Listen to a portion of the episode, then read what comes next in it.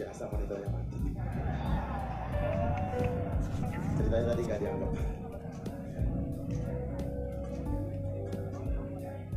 Panggung yang terlalu serius lah.